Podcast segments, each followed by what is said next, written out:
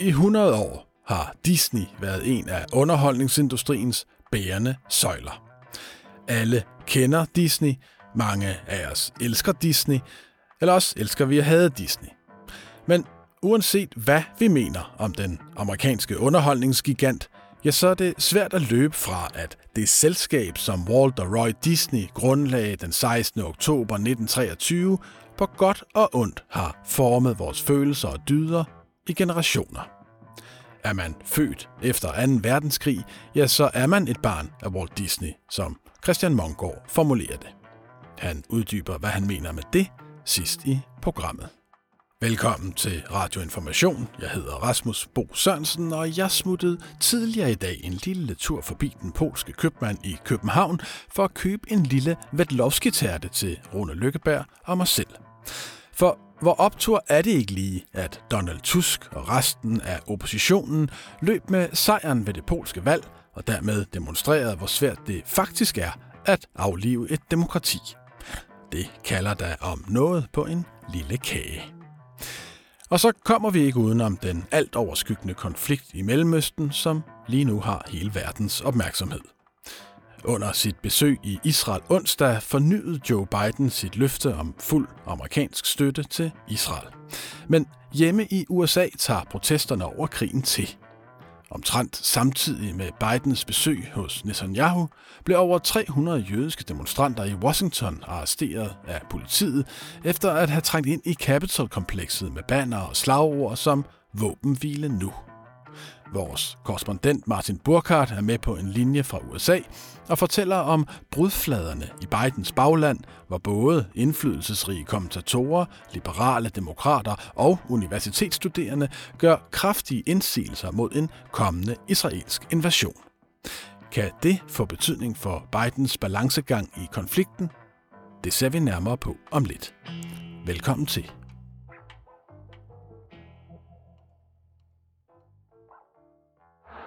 We are following breaking news. Uh, Capitol police officers say roughly 300 people have just been arrested during these Ja, sådan her lød det, da hundredvis af jødiske demonstranter onsdag trængte ind i Capitol-komplekset i Washington, iført sorte t-shirts og bannere med påskriften Våbenhvile og Lad Gaza leve. Martin Burkhardt, velkommen til. Tak skal du have, Rasmus vores øh, korrespondent i, i USA. Uh, øh, Martin, øh, demonstrationen her, som vi, øh, som vi lige hørte et klip fra, var jo arrangeret af gruppen øh, Jewish Voice for Peace, en antisionistisk øh, jødiske øh, organisation. Og den er jo bare øh, altså et af mange eksempler på lignende demonstrationer, som finder sted i, øh, i USA lige nu og, og i de her dage. Kan du ikke lige øh, starte med at give et, øh, et øjebliksbillede af, hvordan Israels øh, krig mod Hamas lige nu øh, præger den amerikanske offentlighed? Øhm, lige fra starten af, øh, efter Hamas' øh, voldsomme og brutale angreb og massakre på civile i Israel, var der en meget klar reaktion fra øh, på univers- amerikanske universiteter især. Og der var så sidenhen også øh, en meget, meget stor demonstration i New York, der blev arrangeret af pro-palæstinensiske grupper.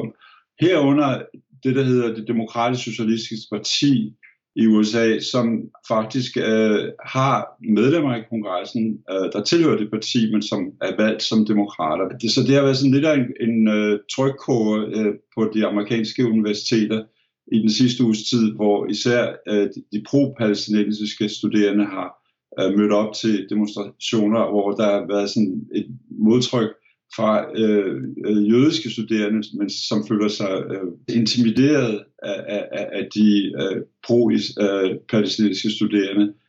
Ja, altså, og så kan man selvfølgelig sige, øh, okay, øh, der er demonstrationer, og bølgerne går højt på amerikanske universiteter. Det er måske ikke så overraskende endda, men, men er det samtidig et udtryk for, at der måske især blandt øh, de yngre generationer af amerikanere, er et lille holdningsskifte på vej i forhold til sådan mere sympati for den palæstinensiske sag? Ja, helt, helt klart. Øhm, altså, der er jo, man må, jeg synes, man skal køle den her øh, voksende pro-palæstinensiske stemning på de amerikanske universiteter til øh, hele det her fænomen, der hedder woke. Øh, altså, øh, den idé, altså, hvad kan man sige, de amerikanske universiteter har i de seneste 20-30 år blevet mere og mere venstredrejet og mere og mere fokuseret på at undervise studerende i for eksempel afroamerikansk historie fra et andet synspunkt, end det plejede at være. Og, og også, hvad kan man sige, verdenshistorien øh, som et spørgsmål om for eksempel øh, koloniherres overdømme over kolonier. Altså tingene bliver, øh, kan man sige, præsenteret i et helt andet lys, der er mere venstredrejet i, i, i dag. Og det er så blevet igen blevet forstærket, den tendens af, af de der ting, der er sket i USA i de seneste fem år. Black Lives Matter, øh, som virkelig fik større opbakning, begyndte at få større opbakning omkring 2016-2017, og som så, da George Floyd han blev myrdet øh, af en politibetjent i Minneapolis i 2020, det gav øh, Black Lives Matter vinger, og det Black Lives Matter har nu øh, øh, associeret sig med den pro-palæstinensiske sag. Øh, så hele den her voksen bevidsthed på de amerikanske universiteter om, at, øh, at verden er, er, er skruet sammen på en anden måde, end, end den tidligere, de tidligere generationer er blevet øh, undervist i, tror jeg på en eller anden måde har bidraget til, at, at der er mere en pro-palæstinensisk stemning, end der har været hidtil på de amerikanske universiteter. I, øh, i, i Deadline herhjemme øh, for nylig, der refererede den, øh, den danske seniorforsker øh, på DIS, Rasmus Sending Søndergaard, til en øh, meningsmåling fra Gallup i marts i, i år, som viste, at blandt demokratiske vælgere havde flere mere sympati for den palæstinensiske side af sagen end for den israelske. Så altså, hvad, hvad kan det her øh, holdningsskifte på sigt få for øh, demokraternes linje over for Israel, tror du? Altså, jeg, tror, jeg tror ikke, at det er sådan markant større opbakning blandt demokrater til Israel. Jeg tror, det er ret lige delt. Det er nogle, de fleste meningsmålinger viser det. Men det kan godt være, at det altså, afhænger af det tidspunkt, det bliver lavet, de her meningsmålinger selvfølgelig. Er der krig i Israel, eller der ikke? Øhm, I alle tilfælde, så er det selvfølgelig en markant udvikling, fordi det demokratiske parti jo historisk set har været øh, stærkt pro-israelsk. Man husker, at det var Harry Truman, der anerkendte i 1948, at han var demokrat. Øh, Israels ret til at eksistere efter deres befrielseskamp. Øhm, og det, og øh, det demokratiske parti har altid været et sted, hvor, de, hvor amerikanske jøder føler sig bedst hjemme, øh, fordi de amerikanske jøder traditionelt og generelt er øh, mere socialliberale end den gennemsnitlige amerikaner. Øh, amerikaner. Og, og så er det så sket det, at øh, for eksempel Richard Nixon var jo ret kendt antisemit, han var republikaner. Generelt var republikanerne meget pro-arabiske, også fordi, at de var meget sådan fokuseret på, at USA var afhængig af, af olie fra, øh, det, fra det arabiske Mellemøsten, og det, talte sådan, sådan, det var sådan vigtigere for dem end, end, da, end USA's alliance med Israel. I hvert fald så optrådte de mere neutralt end demokraterne. Og så sker der det i det republikanske parti i 1980'erne og 90'erne, at de øh, for at få flere vælgere over til partiet, allierer sig med de kristne evangelister. Og, og det er en meget stor vælgerblok i USA, og den er meget, meget pro-israelsk. Og det betyder jo så, at, øh, at det republikanske parti begynder at bevæge sig mere i retning over mod at være pro-israelsk. Og så kommer terrorangrebet mod USA øh, den 11. september, hvor Bush, som er præsident på det tidspunkt, øh, øh, anser øh, Israel for den vigtigste strategi, USA's vigtigste strategiske partner i krigen mod terror. Og der begynder så demokraterne at tabe jødiske stemmer. Og så samtidig bliver det demokratiske parti mere venstreorienteret og mere progressivt. Så der er det her, øh, øh, den her proces, som ender med, at vi i dag faktisk overraskende har næsten lige så mange demokrater, der er pro-israelske, som der er pro-palæstinensiske. Ja, du, du skriver selv i en øh, analyse øh, her i, i avisen øh, i øh, den her uge, at altså indflydelsesrige øh, kommentatorer i, i amerikanske medier, herunder mange af, af jødisk øh, oprindelse, altså tager afstand fra øh, Israels øh, belejring af Gaza og en øh, måske kommende invasion. Og det gælder blandt andet sådan en som, som Thomas Friedman, der er øh, tidligere mellemøstkorrespondent for The New York Times. og også at flere sådan liberale demokrater i øh, blandt andet i repræsentanternes hus altså slutter sig til det synspunkt. Er der en, øh, er der en grænse for, hvor længe Biden og Blinken kan, kan fortsætte øh, den linje, de har lagt indtil videre over for, altså i den her, i den her øh, baserende konflikt, uden at blive udfordret øh, internt i partiet? Ja, det er godt, det er et godt spørgsmål. Jeg tror, der er en grænse. Fordi at det er jo altså, det er virkelig vigtigt at notere, at der er mange indflydelsesrige kommentatorer i jødisk oprindelse, som synes, som følger med i israelsk indrigspolitik, og har oplevet, at den her meget, meget ekstreme højreorienterede regering under Netanyahu har, har lagt et sådan pres på øh, palæstinenserne, især på Vestbreden, og, øh, og har lavet så mange nye bosættere stå sig ned og ikke gjort noget for at at sætte soldater på ind mod bosættere, der har begået øh, hvad kan man sige, overgreb på palæstinenser, der bor i de landsbyer på Vestbredden, især i den zone, der hedder zone C. På et eller andet tidspunkt, hvis situationen udarter sig i Gaza, i, i sådan en retning, at der er uhyggeligt mange civile palæstinenser, der mister livet, så tror jeg, at på et eller andet tidspunkt, der kommer en grænse, hvor Biden bliver nødt til at slå ned og sige over for den israelske regering, og sige, det her, det er, i må holde inde. Våben. Vi, vi optager jo det her øh, torsdag eftermiddag på et tidspunkt, hvor den øh, bebudede israelske landoffensiv øh, ind i Gaza øh, i hvert fald endnu ikke har, har fundet sted. Øh, Biden har øh, som sagt øh, besøgt Netanyahu, øh, hvor han har gentaget sin, øh, sin fulde støtte til Israel, men han har også understreget, at det er vigtigt at undgå civile tab, og han har bedt den israelske regering om at tillade nødhjælp ind i, i Gaza. Altså det er jo en, altså, det er jo en delikat balancegang, Biden forsøger at gå her, ikke? og det handler jo også om at afskrække andre øh, nabolande for at springe ombord i, i konflikten. Altså, kan, kan den hjemlige opinion på nogen måde få konsekvenser altså, øh, for Bidens mulighed for at gå den her balancegang? Altså det, det har jo noget at gøre med præsidentvalget i 2024 næste år. Ikke? Hvis du nu ser på det sådan rent politiske spil, der foregår her, så er det jo selvfølgelig oplagt, at Biden øh, ikke alene tager de her beslutninger, den her beslutning om, at, at, at en nærmest betingelsesløs opbakning til Israel efter øh, massakren på de civile i Israel, at, at der også er et politisk element her, fordi at, som vi netop har talt om tidligere, så, øh, så, så har demokraterne mistet øh, jødiske stemmer øh, i de seneste år. Og det er selvfølgelig vigtigt for ham, at, øh, og for det demokratiske parti, at genvinde nogle af de her stemmer. Det er vigtigt med sikkerhed gøre, øh, hvis valget fandt sted i dag.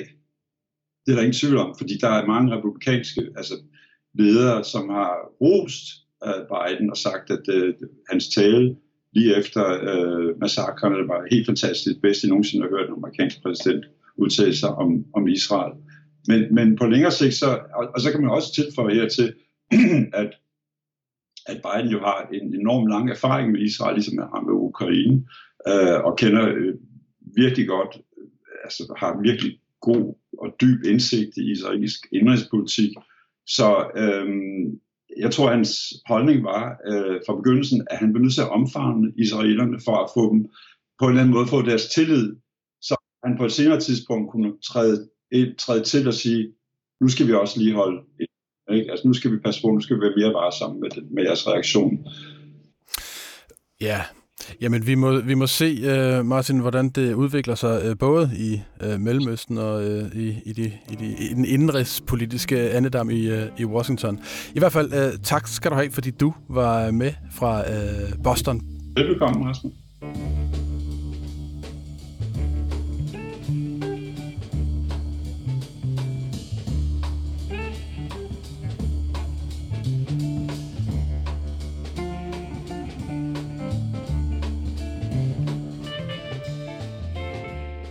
Jamen altså, Rune, velkommen.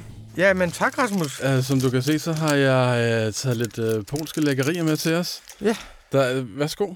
Jamen, det, tusind tak, Rasmus. Uh, der er både en uh, lille Vedlovski-tærte, ja. og så er der noget, en Delice, som vist nok er, uh, det er sådan en lille kiks med noget uh, appelsingelé. Mm, det bliver kæmpe. Den er god. Er den god? Ja, den er Okay, jamen, øh, jo, jeg smager altså også lige hurtigt på den her.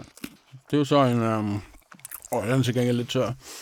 Men vel, Velovski tager den der, der skal man lige passe på med. Nå, men øhm, altså, når vi sidder her og mesker os med øhm, polske lækkerier, så har det jo en årsag. Yes, og det er jo, at det polske lov- og retfærdighedsparti, som har drevet Europa til vanvid og skabt berettiget liberal redsel, også her i Danmark, har tabt valget i, Sådan. øh, i, i, i Polen. Øhm, og så der er alle mulige forbehold i forhold til det, men jeg synes, der er en vigtig, vigtig pointe, som er optur i sig selv, og det er, at det er faktisk utrolig svært at udradere et demokrati. Der er ligesom, vi laver, og jeg har selv skrevet tusind af den slags artikler, vi laver tit de der skæbnevalg for det polske demokrati, skæbnevalg for det tyrkiske demokrati, skæbnevalg for det amerikanske demokrati, skæbnevalg for det indiske demokrati. Og her har vi altså et parti, Lov- og Retfærdighedspartiet, som har pakket domstolene og øh, statslige institutioner med deres egne folk, og som har meget stor indflydelse på de uafhængige domstole, og som i et eller andet omfang også har sat sig på de nationale medier, og alligevel så går de hen og taber et, øh, så går de hen og, mm. og taber et valg, og de taber det ret markant. Altså de, øh, de, de tre partier, som er Donald Tusk, den tidligere Europaråds øh, formand, som er hans borgersamling, eller borgerplatformen, som det hedder, så er det et centrum-højre-parti, der hedder Den Tredje Vej, og så er det Venstrefløjspartiet Levika. De får 54 procent af stemmerne. Det er meget, altså det er stort. Hvis det havde været i Danmark, så havde det været et... Landslide. Ja, det havde det faktisk været. Så det, det er et ret stort nederlag. Og jeg synes, der er noget håbefuldt i, at man faktisk kan dominere institutioner, opinion og medier så meget, og alligevel tabe. Og jeg tror, at vi skal ligesom huske på, at de folk, der bor i et demokrati, oplever jo, at de har noget at skulle have sagt. Altså, de vil sådan set... De, det er ikke så nemt at afvikle det, som man tror. Og det er især deltid svært at afvikle det gennem stemmeboksene, som vi ser forskellige steder. Og det synes jeg også, når man ligesom... I stedet for, at vi siger demokrati eller ikke demokrati i Tyrkiet, demokrati eller ikke demokrati i, i Indien, så lad os se det som nogle fronter, der bevæger sig frem og tilbage, og hvor der helt klart er tilbageslag, men der er jo den her makrofortælling i vores tid om demokratisk recession, som jeg tror, vi skal være påpasselige med. Øh, det er klart, at hvis man så siger det, så er det, og, og det er en sejr. Nu bliver det svært for dem. Mm. De har en lang periode, hvor de skal danne regering, og regeringsforhandlingerne bliver vanskelige. Øh, og så, så, så lad os se, hvordan, hvordan det kommer til at udspille sig. Når det er sagt, så er præsidenten i, øh, i Polen, som har vetoret, ligesom i Amerika, over lovgivningen, øh, Duda, han er jo også fra, fra Lov- og Retfærdighedspartiet, PIS, ja. øh, som de hedder. Så han har veto indtil 2025, hvor han er på valg igen. Og hvis du skal overtrumfe hans veto, skal du have 60% af stemmerne i den lovgivende forsamling. Så der er ligesom præsidentens veto. Du har stadigvæk domstolene, som hvis der bliver kamp, så vil de, he, så vil de sandsynligvis favorisere PIS-synspunkter. Du har forskellige institutioner, som, som også er, er, er præget af det. Mm. Så, så, så herfra, den regering regerer, det bliver utrolig svært. Ja, for altså, det er jo suverænt optur, at øh, Lovretfærdighedspartiet nu er sat af øh, bestillingen, men, men de der tre øh, øh, partier, du talte om, øh, som nu altså øh, er valgets vinder, altså øh, de er jo uenige om meget, men hvad er de i hvert fald enige om? Altså hvad kan de, hvad er det, de vil nu med Polen? Jamen, man kan sige, at i første omgang, så har de jo den kæmpe bonus. Donald Tusk er jo, som, som øh, jeg sagde før, tidligere præsident for, for Europarådet og en stor europæer. Og det vil sige, han kan, der er jo, EU har jo faktisk indeholdt en, en del af deres, tilbageholdt en del af tilskud til Polen på grund af, af, af PIS-reformer og deres øh, mm. illiberale indgreb i, øh, i retsstaten. Øh, så det vil sige, at de får faktisk nogle penge frigivet. Øh, så de, de får, alle, og det er en sejr i sig selv. Du kommer ned mm. og får nogle penge frigivet, og det har Donald Tusk lovet. Og så er der nogle ting, de er enige om. Der er nogle sociale ting, de er enige om. Vi får helt sikkert også en, en grønnere klimapolitik. Det siger så heller ikke specielt meget fra, mm. fra, øh, fra, fra Polens side. Der er nogle liberale reformer, som, som, de, er, som de er enige om. Men, men det er klart, frygten er, at de, fordi det er tre forskellige partier, Øh, og, og den tredje vej er en, er en højre, er, er højreorienteret. Levika er venstreorienteret. Så frygten er selvfølgelig, at det, der har bundet dem sammen, det er modstanden mod... Øh, modstanden mod Kaczynski og, og, og mm. lov, lov- og retfærdighedspartiet. Så lad os se. Men jeg, jeg tænker også, sådan, efter otte år med lov- og retfærdighedspartiet, hvor de jo altså også har sådan, altså, sat deres egne folk ind på alle mulige centrale øh, demokratiske institutioner i samfundet, i dommerstanden, øh, universitetsledelserne, øh, alle mulige steder, embedsapparatet og så videre. Altså, så det er jo også sådan et oprydningsarbejde, der skal gå i gang nu. Hvordan, altså, øh, hvordan genskaber man ligesom demokratiet, uden at komme til at blive udemokratisk i den proces? Jamen, jeg tror, det første, det vigtigste er sådan set, øh, altså hele den der kampen om institutionerne, kender du jo også fra, fra, fra, fra USA. Der kan du sige, når politiseringen er begyndt, så enten forholder du dig neutral og taber, eller også så deltager du i den. Og jeg er ret sikker på, at Tusk han vil deltage. Mm. Han, han, han, han vil deltage i den og forsøge at vinde uaf, uafhængighed tilbage.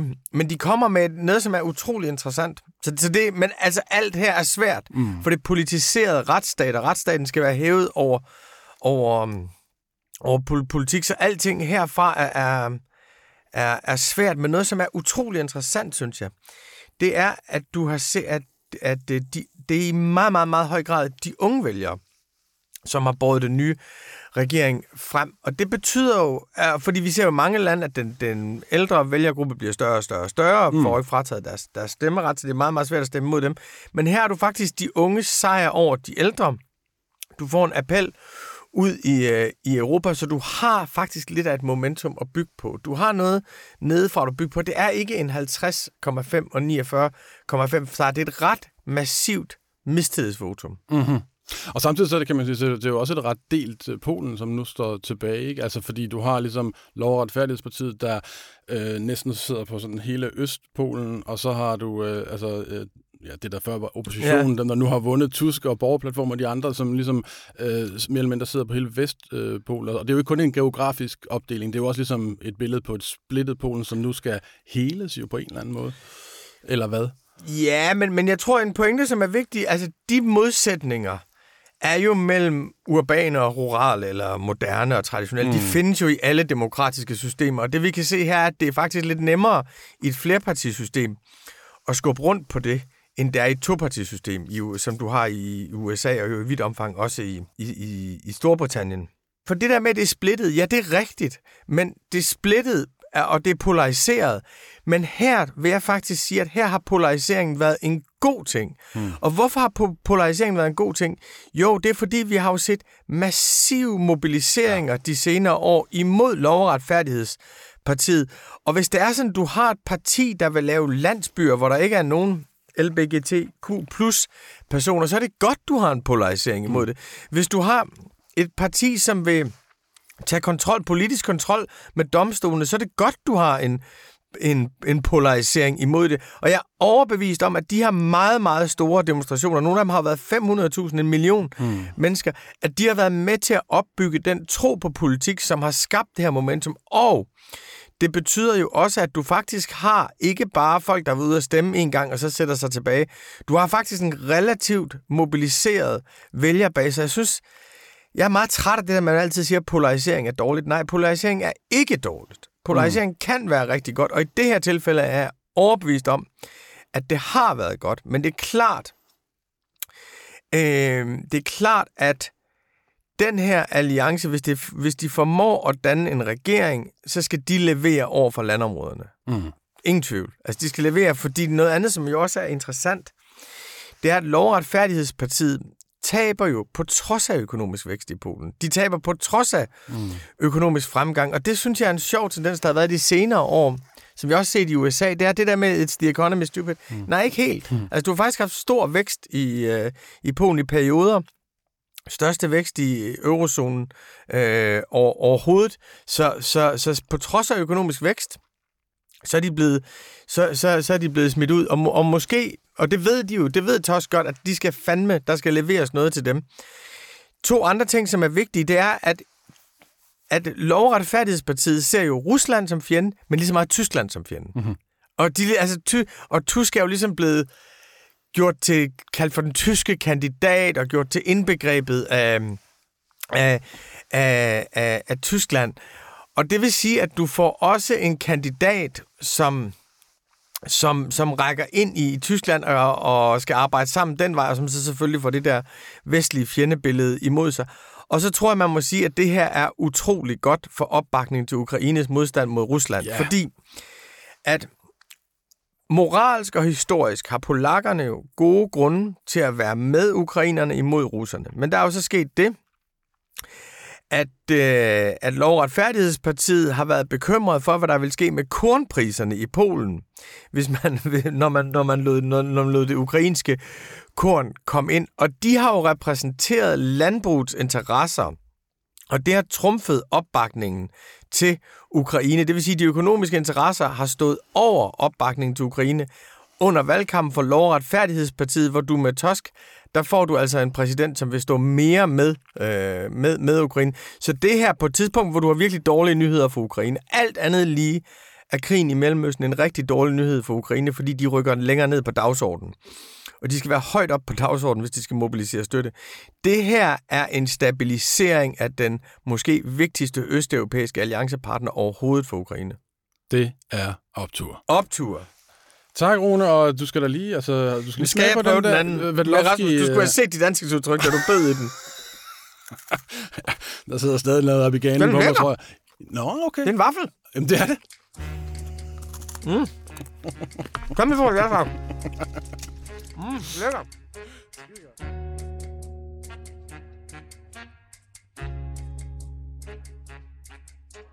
When you wish upon a star Da, da, da, da. Hej Christian Mongård. Goddag, Rasmus. Jeg, jeg skal måske lige for en god ordens skyld sige, at, at, at det vi hørte jo selvfølgelig var When You Wish Upon a Star fra Disneys uh, Pinocchio-film, der uh, udkom i uh, 1940, midt i Disneys uh, første guldalder. Og vi skal jo tale meget mere om uh, Disneys historie her i uh, anledning af den runde dag, 100 års fødselsdagen, men øh, jeg kunne egentlig godt tænke mig, at vi lige starter med at, at snakke lidt mere om, om dit forhold til Disney, øh, Mongo. Hvad, hvad, hvordan vil du beskrive det? Øh, jamen efterhånden, at jeg er jo i virkeligheden, efter jeg er blevet voksen i godsøjne og, og også blevet kulturkritiker, kan man sige, at så har jeg det lidt blandet med det, fordi jeg, der er jo stadigvæk en masse af de, de gamle ting, øh, altså de, især de gamle håndtegnede animationsfilm, tegnefilmerne, fra 30'erne, 40'erne og 50'erne, øh, og også lidt op i 60'erne. Det er jo nok dem, jeg har det allerbedst med stadigvæk. Og så er der meget af det, Disney er blevet til sidenhen, som jeg ikke nødvendigvis har det lige så godt med, kan man sige, hvor jeg ikke har lige så mange varme følelser investeret i det. Men altså, der stod tre ting på en hylde over min vugge, da jeg blev født, og det var øh, en, øh, en bog med de tre detektiver, det var en bog med Sherlock Holmes historier, og så var det et Anders Sandblad. Og så jeg er vokset op med Anders Sandblad, der er vokset op med Disneys juleshow, vokset op med Disney tegnefilm. Okay, så, så øh, nu har vi i hvert fald fået slået fast, at øh, du har ligefrem haft, du har haft øh, Disney som øh, vuggegave. Du er, en, du er det, man kalder en Disney-dreng, ikke?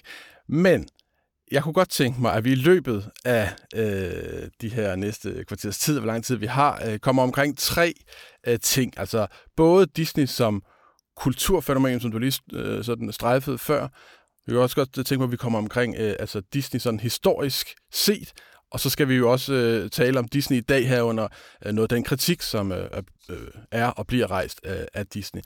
Men lad os lige starte med, med, med Disney som kulturfænomen, eller måske lige frem som kulturimperialisme. Fordi du skriver i dit store portræt af Disney her i, i mandagsavisen, øh, at er man født efter 2. verdenskrig, så er man et barn af Walt Disney. Hvad mener du med det? Jamen altså, det der jo sker, altså man kan sige, Europa, øh, i, i selvfølgelig især den besatte del af Europa, altså den nazistisk okkuperede del af Europa under 2. verdenskrig, vi får jo stort set ikke de får jo, nu siger jeg vi, jeg siger vi, mm. vi får jo stort set ikke nogen amerikanske kulturprodukter ind ad døren på det tidspunkt. Hverken på den ene eller den anden måde, og der slet ikke i biograferne. Og da 2. verdenskrig så slutter, jamen, så kommer selvfølgelig Marshallhjælpen, øh, altså økonomisk assistance til hele Europa, men, men der kommer også en form for det, som jeg også øh, vil citere en amerikansk historiker for at skrive, at der kommer sådan en form for kulturel Marshallhjælp, som jo består af blandt andet Disney-tegnefilm, men også alle mulige andre amerikanske kulturprodukter, som jo pludselig vælter ind over grænserne, og som jo nærmest ender med at fortrænge den lokale kultur, i hvert fald ved, i en vis udstrækning, øh, men, men også ender med sammen med den lokale kultur ligesom at blive den dominerende kulturfaktor i, øh, i europæisk sammenhæng, og, og ikke mindst også i en dansk sammenhæng. Og det vil sige, at mange af de film og tegneserier og alt muligt andet, vi læser og ser, øh, og, og sidenhen også tv-serier og sådan noget på, på, på Danmarks Radio, jamen det er jo amerikanske tv-serier, og, og, og, og det er de her Disney-tegnefilm. Altså Disney er jo også de første, der sådan for alvor begynder at henvende sig til et børnepublikum. Altså tager børnene alvorligt. Øh, øh, altså nu ved jeg godt, Disney har jo selv sagt, at han henvender sig ikke til børnene. Han håber, han eller kun til børn. Han håber, han henvender sig til alle, og det er jo i virkeligheden hemmeligheden. Noget af hemmeligheden bag Disneys tegnefilm og hemmelighed bag succesen af Disneys tegnefilm, det er, at de kan ses med lige stor fornøjelse af både børn og voksne. Men altså, han tager børnene alvorligt, og han tager de her historier alvorligt, og det at fortælle for børn alvorligt, og det gør, at, at pludselig så, så kommer der noget, som, så, hvor man kan trække en, en mennesker i biografen, så vi bliver alle sammen på en eller anden måde påvirket af det, og sådan har det været nærmest siden. Nu nævnte du lige før øh, øh, historikeren øh, Stephen øh, Watts, øh, som havde kaldt øh, øh, Disney for en form for kulturel øh, Marshallplan. Øh, I dit øh, interview der øh, øh citerer du ham for at have sagt, at, at Disney fostrede en mild kulturimperialisme, der på magisk vis oversvømmede resten af kloden med et velstående middelklasse USA's værdier, forventninger og varer. Uh, altså, uh, hvad, hvad, hvad er det sådan uh, grundlæggende for nogle værdier, Disney promoverer gennem sin film? Jamen, det er jo øh, opbyggelighed, altså det er jo opbyggelige fortællinger, det er øh, positive fortællinger, det er jo altid fortællinger, der ender lykkeligt. Altså, øh, jeg synes tit, man gør den fejl at, at ligesom sige, at Disney-film, det er sådan nogle lyse, øh, øh udelukkende, øh, øh, hvad skal vi sige, meget, eller meget lyse, meget, meget børnevenlige fortællinger. Det sådan, synes jeg faktisk ikke, det er. Hvis man ser fra Snevide, som er den første lange øh, øh tegnefilm, Disney-studierne laver fra, fra 1937 og frem efter, så er der også et mørke i de her film, men det ender altid lykkeligt, kan man sige. Så det er sådan nogle folkeeventyr i den, i den gængse forstand, i den, i den næsten den traditionelle forstand, og de er jo også ofte baseret på folkeeventyr, på Grimms eventyr, også på H.C. Andersen og alt muligt andet af den slags men det er eventyr, hvor, man skal, hvor helten skal gå så grueligt meget igennem, før alting så kan blive godt igen, og skal også helst lære noget af det. Og det kan man sige, det er nogle af de værdier, som, som, som Disney ligesom lægger over på. Så i modsætning til måske de grummeste af Grimms eventyr, jamen, så sørger han altid for, at det ender lykkeligt, og det bliver aldrig alt for mørkt og alt for dystert. Men det bliver alligevel, altså Bambis mor bliver plukket i Bambi. Ikke? Spoiler alert her. øh, løgn. 80, 80 år senere, ikke? 83 øh, år senere. Og så, og så er det jo sådan en, øh, altså en måde at se verden på. Det er jo sådan en, altså det er jo film, som på en eller anden måde trækker sådan et eventyrskær hen over verden, og som promoverer sådan en you can do it attitude, sådan en go-getter attitude, som jo Walt Disney også selv var. Ja. Altså med hårdt arbejde, ambitioner og visioner, så kan man nå altså hvor som helst hen i den her verden. Så kan man blive en verdensberømt, magtfuld og rig underholdningsmagnat.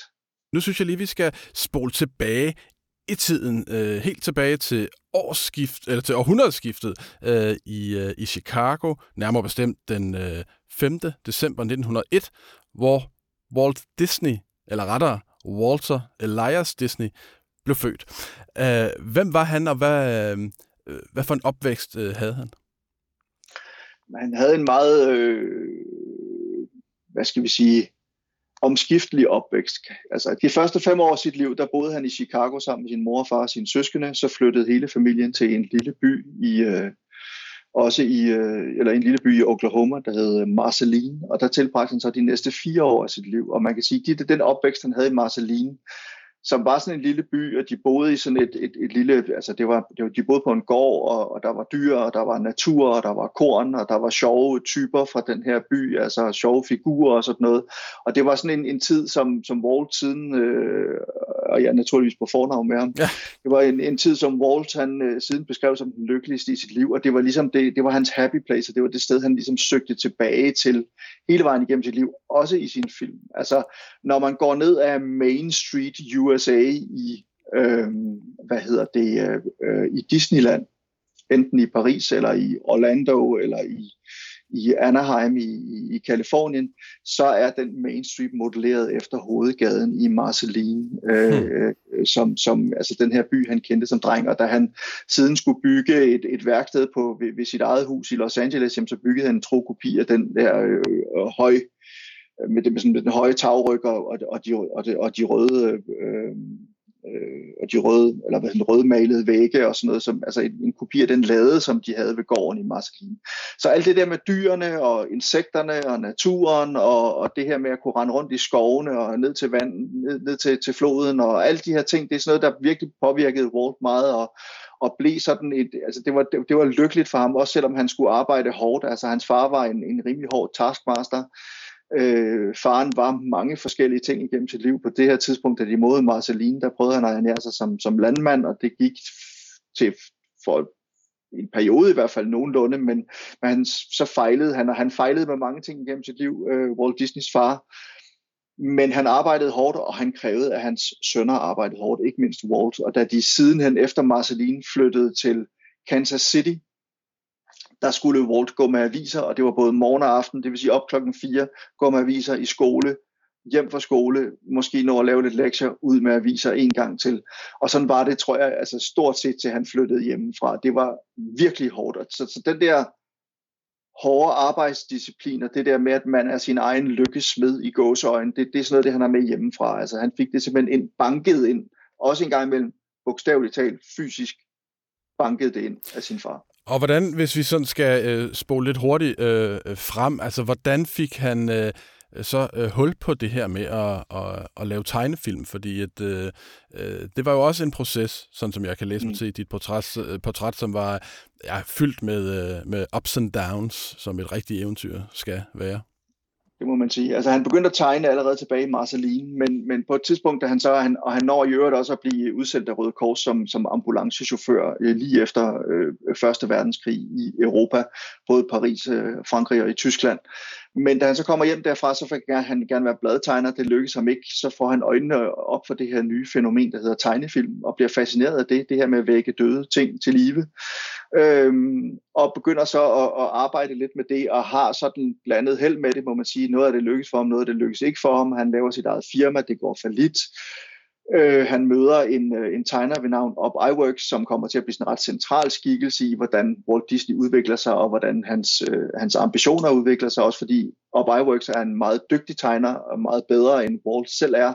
Og det er på det tidspunkt, hvor det går op for Walt, at det der med at hyre mennesker, medarbejdere, som er bedre end ham selv til forskellige ting, det er en god idé, fordi så kan han have visionerne, han kan have overblikket, han kan have engagementet og ligesom være indpiskeren, der får alle til at løbe i den samme, samme retning og have de samme kunstneriske ambitioner. Så det er ligesom, det alt det her, det sker, og der, der er noget, der går godt, og noget går ikke godt, mm. men, men, men, men det, der så går godt, det er, at han får lavet sådan en prøve på en, en tegnefilm, der hedder Alice in Cartoonland, hvor en virkelig pige altså øh, bliver fotograferet og så sat ind i en tegnefilm sammenhæng. Altså alle, alle de omgivelser der omkring hende, det er tegnefilm, og hun er så den eneste virkelige person, eneste virkelige person i de her, og så interagerer hun så med, med de tegnede figurer, animerede figurer. Det er meget primitivt til at starte med, men der er simpelthen en, en, øh, en distributør, en, en biografdistributør, filmdistributør i New York, som, som, øh, som falder for det her og synes, hun vil godt have en, en hel øh, tegnefilm fra Walt Disney, og så er det så, at den 16. oktober 1923, der stifter Walt og Roy Disney så øh, The Disney Brothers Cartoon Studio i Los Angeles. På det tidspunkt er de flyttet til, og så begynder de ellers at arbejde, de, øh, de laver nogle af de her film med, øh, med Alice, der render rundt i Cartoonland, og så begynder de at lave Oswald The Lucky Rabbit sammen med Up Iwerks, den bliver taget fra dem, fordi det viser sig, at der er et filmselskab, der simpelthen ejer rettighederne til det, og så er det, de opfinder Mickey Mouse. Men altså, øh, og det er jo det, altså man kan jo virkelig øh, fortabe sig øh, i øh, historiens øh, mange øh, hvad hedder det, øh, veje og vildveje her, men jeg synes, vi skal springe frem til, øh, til guldalderen hos, øh, hos Disney. Altså, nu sad jeg lige og kiggede på en liste, altså op gennem 40'erne, 50'erne og 60'erne, der altså la- lavede de øh, øh Dumbo, Bambi, Askepot, Alice i Eventyrland, Peter Pan, Lady og Vagabunden, 101 Dalmatiner, Junglebogen. Altså, øh, det er jo helt vildt, ikke? Altså, klassikere hver en. Øh, hvad, hvad er det, der, ligesom, øh, der, der kommer til at kendetegne øh, Disney i den her øh, øh periode, altså i guldalderen i, i, i 40'erne, 50'erne og op gennem 60'erne? Altså man kan sige, at spillefilmens guldalder, det er fra, fra, fra 40'erne og frem efter. Ja. Kort, kortfilmenes guldalder begynder allerede i 30'erne ja. faktisk. Og man kan sige, at det han jo i virkeligheden gør, både med sine kortfilm, men også med spillefilmene, det er, at han hele tiden siger, vi skal blive bedre, vi skal blive bedre til at fortælle historier, vi skal blive bedre til at animere, hmm. vi skal blive bedre til at lave effekter. Han opfinder det her, eller det, han opfinder sammen med sine animatorer og sine teknikere, det her multiplan-kamera, der gør det muligt at lave dybde i billederne, sådan at, at man, altså man får sådan den der dybde-effekt, så det ikke bare er 2D, altså flad animation, om jeg så må sige, som det var i de første film. Altså hele tiden så har øh, hvad hedder det, Walt Disney ambitioner om, at alting skal blive bedre, at han skal bevæge sig fremad. Han vil ikke stå stille, han vil ikke gentage sig selv.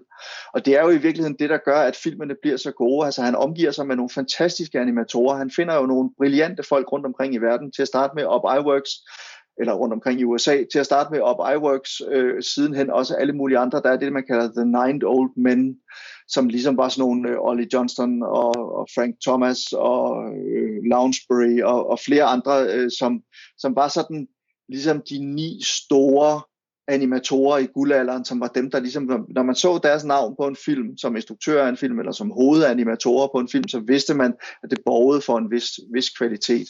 Altså, så det er det der med, at, at de starter med at lave gagfyldte kortfilm, og så begynder de derefter at fortælle gode historier, og det er det, han snakker om hele tiden.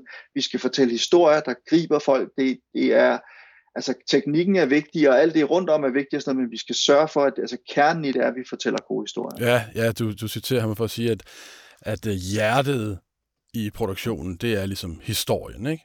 Øh, de, den gode historie. Men altså, øh, øh han dør jo, Walt Disney, endnu en spoiler alert. I, øh, i øh, 1966, øh, allerede som 65-årig af kraft. Og så er det som om, at øh, den, øh, den, den, den kreative tørkeperiode lidt, lidt sætter ind i, i årene efter, og faktisk helt frem til 90'erne, øh, som så til gengæld bliver begyndelsen øh, på, på Disneys anden øh, guldalder som Disney vel i virkeligheden øh, stadig lever højt på i dag. Altså, hvad, hvad er det, der sker fra begyndelserne, øh, fra begyndelsen af måske slutningen af 80'erne og begyndelsen af 90'erne og frem? Jamen, altså, man kan jo sige, det interessante er jo, når en mand som Walt Disney dør, det samme skete jo lidt for Apple, da Steve Jobs han døde. Mm, altså, ja. de, de mister jo den store rorgænger. Det kan godt være, at, at, at, at, at de, det er ikke nødvendigvis, at de var verdens rareste mennesker og sådan noget, og at Øh, der var alt muligt, man kunne kritisere dem for, men de havde nogle visioner, og de havde et drive og en måde at engagere folk på, og hele tiden skabe nyt på. Altså det var jo det samme med Steve Jobs. Han ville heller ikke stå stille, han ville hele tiden bevæge sig fremad. Når den skikkelse forsvinder, så kommer der helt naturligt en rådvildhed og en identitetskrise i Disney-studierne, og det skete jo så simpelthen op igennem øh, 60'erne, 70'erne og 80'erne, hvor det hele virkede sådan lidt, lidt, øh, lidt usikkert, og man kan sige, at Disney var overhovedet ikke en magtfaktor på samme måde, som de er i dag, og måske heller ikke var, havde, og, og som de måske også havde været tidligere, og var i fare for at blive overtaget af, af fjendtlige investorer udefra og sådan noget. Men så øh, Roy Disney, øh, junior, jeg kan, ikke, jeg kan ikke huske, om han hedder Roy Disney junior, men i hvert fald Roy Disney, som er altså Walt Disneys nevø, han har så ligesom en af, af, af, af han, er, han er en af de store aktieejere i firmaet, og han er ligesom med til at sætte gang i sådan en, en renaissance hos Disney ved, ved at hyre nogle nye mennesker, blandt andet øh, Michael Eisner som en af de øverste chefer, og så også Jeffrey Katzenberg som chef for animationsafdelingen, og under så får han en, han hyrer så en producer, øh, som hedder Peter Snyder, og de får simpelthen vendt den her skude om, så det der ligesom var blevet hvad skal vi sige, en klods om benet på Disney. Altså på det tidspunkt betød tegnefilmen ikke ret meget. Det var live action film og alt muligt andet, der var det vigtigste for dem. Øh, og måske også deres forlystelsesparker.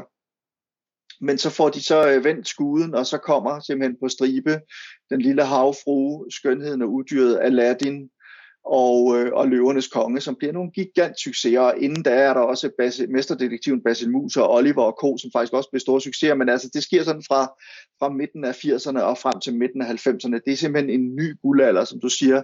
Og det er ja i høj grad den succes fra den gang, som det konsoliderer ligesom Disney. Og det gør, at de har penge, og da vi når op i i midten af 90'erne, så kommer Pixar med sine computeranimerede film, og de, til at starte med laver de en distributionsaftale med Disney, men på et tidspunkt 10 år senere, jeg tror det er 2006, der bliver Pixar købt af Disney, og lidt efter så køber Disney også Marvel Studios, og så køber de, kunne hjælpe mig også, George Lucas Films, og ejer dermed både altså alle Marvel superheltefilmene, de ejer alle Pixar-filmene, de ejer Indiana Jones, de ejer Star Wars.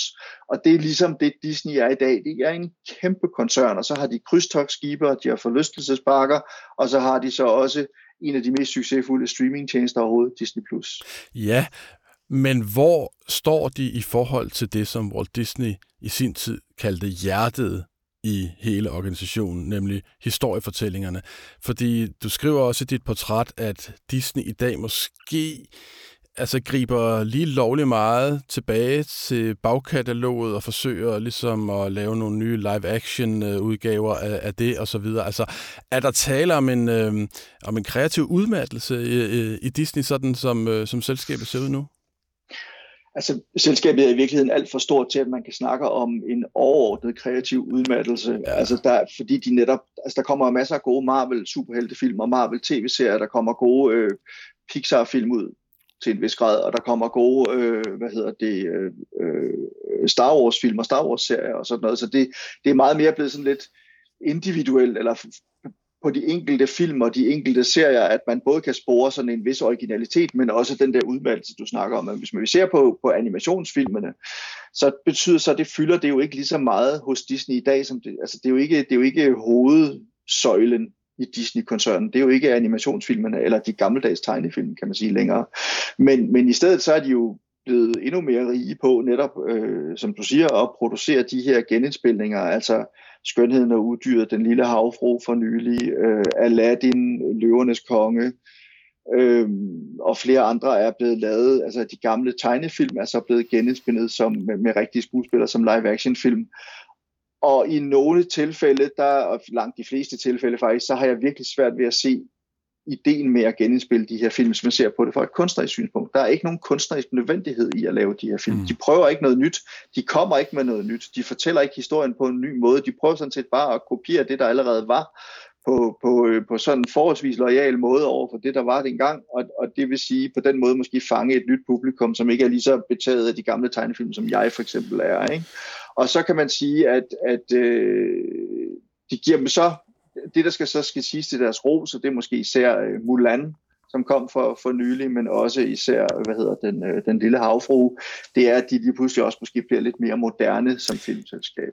Ja, fordi at, øh, at en af de ting, som jo Disney er stødt på, også i nyere tid, det er en kritik af ja, jo især af bagkataloget, ikke? Altså som som viderekolporterer øh, racemæssige stereotyper af, øh, af kineser, sorte, oprindelige amerikanere og mange andre. Og kønsmæssigt er øh, bagkataloget jo også øh, fyldt med øh, hvide hovedpersoner, ofte mænd, der kysser på kvinder, når de vil, blandt andet en sovende tornerose, øh, mens kvinderne typisk er øh, omsorgsfulde og øh, plukker blomster og passer enten børn eller dyr. Altså, hvordan har, øh, hvad, hvad har øh, Disney aktivt gjort for ligesom at, øh, at, at reagere på den kritik? Altså for det første er filmene blevet mere mangfoldige. Der kom den, der hed Prinsessen hvad var den hed? Prinsessen og Frøen, var det det, den hed? Det tror jeg nok, den hed. Ja. ja the Princess and the Frog for nogle år siden, hvor, hvor vi havde en, en sort hovedperson simpelthen. Ikke? Altså, det var en, en klassisk animeret tegnefilm øh, med en sort hovedperson i hovedrollen. Og det var, sådan, det var jo i sig selv noget, noget nyt. Ikke? Og, og, øh, og det samme kan man kan også sige det med Mulan, hvor, hvor det var sådan en asiatisk hovedperson, så den tegnefilm udgaven ja. der og sådan noget. Men, men det man kan sige, de, de så også er begyndt at gøre, det er jo selvfølgelig på den ene side, fordi at de har ansat nogle mennesker, som synes, det er interessant at fortælle de her historier. Altså, at deres, at deres stab også er blevet mere mangfoldig og mere, altså der er større, præget af større diversitet. Altså nu sagde jeg, snakkede jeg før om The Nine Old Men, vi kan sige The Nine, nine Old White Men, som ligesom tegnede Disney tilbage i 40'erne og 50'erne og til en vis grad også i 60'erne. Det er jo blevet til, altså nu er der også kommet kvinder, og der er kommet øh, øh, mennesker af asiatisk afstamning, eller, eller afroamerikansk afstamning, eller øh, øh, hvad hedder det, øh, øh, indfødt amerikansk afstamning osv. osv. Altså der, der er ligesom kommet meget mere kulør på paletten på, på alle måder. Og så kan man sige, at det gør jo så i sig selv, at tingene begynder at forandre sig. Og så kan man sige, at Disney er jo ligesom alle andre, de har jo også fået sådan en corporate social responsibility afdeling, ikke, som ligesom er opmærksom på, at der sker altså nogle ting ude omkring i verden. Vi er nødt til at være mere mangfoldige og have en større, vi arbejde for en større diversitet i både, hvad vi ansætter og, og, og hvad vores film handler om men også i forhold til miljø og bæredygtighed og sådan nogle ting.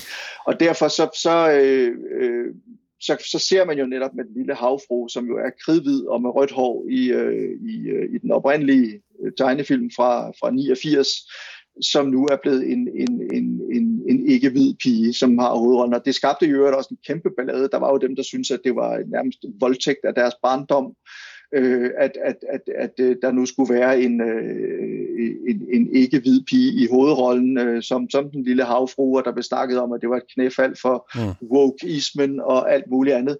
Så det er jo sådan, you're damned if you do, and you're damned if you don't. Altså det, det er sådan ligesom, de, de, Disney prøver faktisk at følge med tiden. Man kan sagtens argumentere for, at de er for langsomme, og de ikke gør nok, men de prøver. Christian Mongård, tak fordi du var med her. Det var sørm så lidt, Rasmus Bo. Og det var alt, hvad vi havde valgt at bringe i denne uges radioinformation. Programmet her var klippet og sat sammen af Rune Gertsen. Jeg hedder Rasmus Bo Sørensen, og du må have en rigtig dejlig weekend.